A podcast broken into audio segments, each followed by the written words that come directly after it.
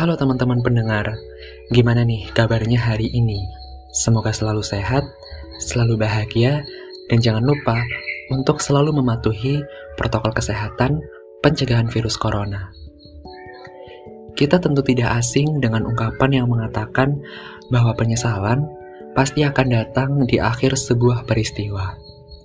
Menurut teman-teman gimana? Benar atau salah? Apa yang dikatakan ungkapan tadi?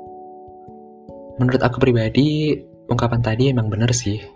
Karena setelah kita melakukan atau memutuskan suatu hal dalam hidup kita, pasti ada momen di mana kita merasa menyesal atas apa yang udah kita putuskan, atas apa yang udah kita lakukan. Dan penyesalan itu seakan menjadi pengganggu bagi kita ketika kita menjalani keseharian kita. Aku punya cerita tentang satu penyesalan yang pernah aku rasakan sendiri. Cerita ini bermula ketika penerimaan siswa baru sekolah menengah atas. Sama seperti sekolah-sekolah pada umumnya, setelah siswa baru dinyatakan lolos, maka mereka akan mulai dipusingkan, akan mulai disibukkan dengan perkara jurusan. Mau masuk jurusan mana? Kalau milih jurusan ini, nanti ranah kerjanya gimana ya? Di sekolah aku ada tiga jurusan yang bisa dijadikan pilihan, yaitu jurusan MIPA, jurusan IPS, dan jurusan bahasa. Teman-teman pendengar pasti udah bisa nebak dong mana jurusan favorit yang ada di sekolah aku.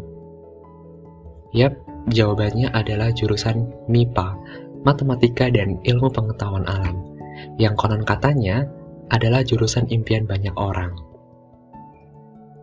Well, setelah mempertimbangkan berbagai macam aspek, seperti pertimbangan orang tua dan pertimbangan diri aku sendiri, akhirnya aku memutuskan untuk masuk jurusan MIPA.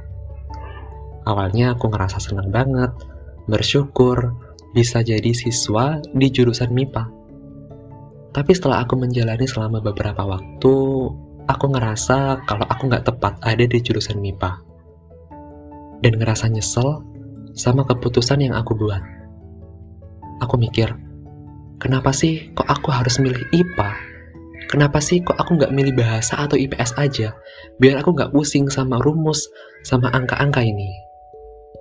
Bahkan aku sempat mau pindah jurusan, tapi ternyata udah nggak bisa.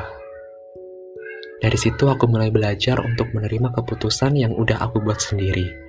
Dan percaya kalau keputusan aku itu adalah keputusan yang tepat, keputusan yang benar. Dan ternyata terbukti teman-teman, bahwa keputusan aku masuk jurusan MIPA udah ngebawa aku sampai sini jadi pribadi yang jauh lebih baik dari pribadi aku sebelumnya. Sampai sekarang pun, aku masih menunggu hal-hal baik datang setelah aku ngebuat keputusan masuk jurusan MIPA yang sempat ngebikin aku menyesal dulu.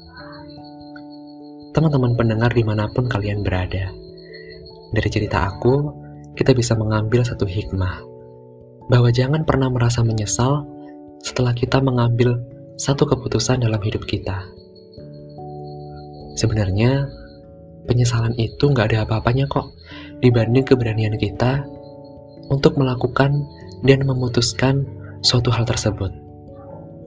Di balik penyesalan yang mungkin datang tiba-tiba dan menjadi pengganggu dalam hidup kita, kita harus percaya bahwa akan ada satu hal baik yang terjadi di masa yang akan datang. Bisa jadi keputusan itu adalah keputusan yang bakal mengantarkan kita untuk menemui satu jalan yang bersinar di masa depan alih-alih larut dalam penyesalan, lebih baik kita berkomitmen untuk berprogres menjadi lebih baik to achieve more. Dan akhirnya sampai di sini, buat teman-teman yang mungkin masih saat ini merasa menyesali keputusan yang udah teman-teman ambil, ayo kita bangkit bersama, menatap ke depan, dan jalani apa aja yang ada hari ini dengan penuh kebahagiaan, dengan penuh keikhlasan, dengan penuh tekad yang kuat. Sebab teman-teman, habis gelap, terbitlah terang. Sampai jumpa.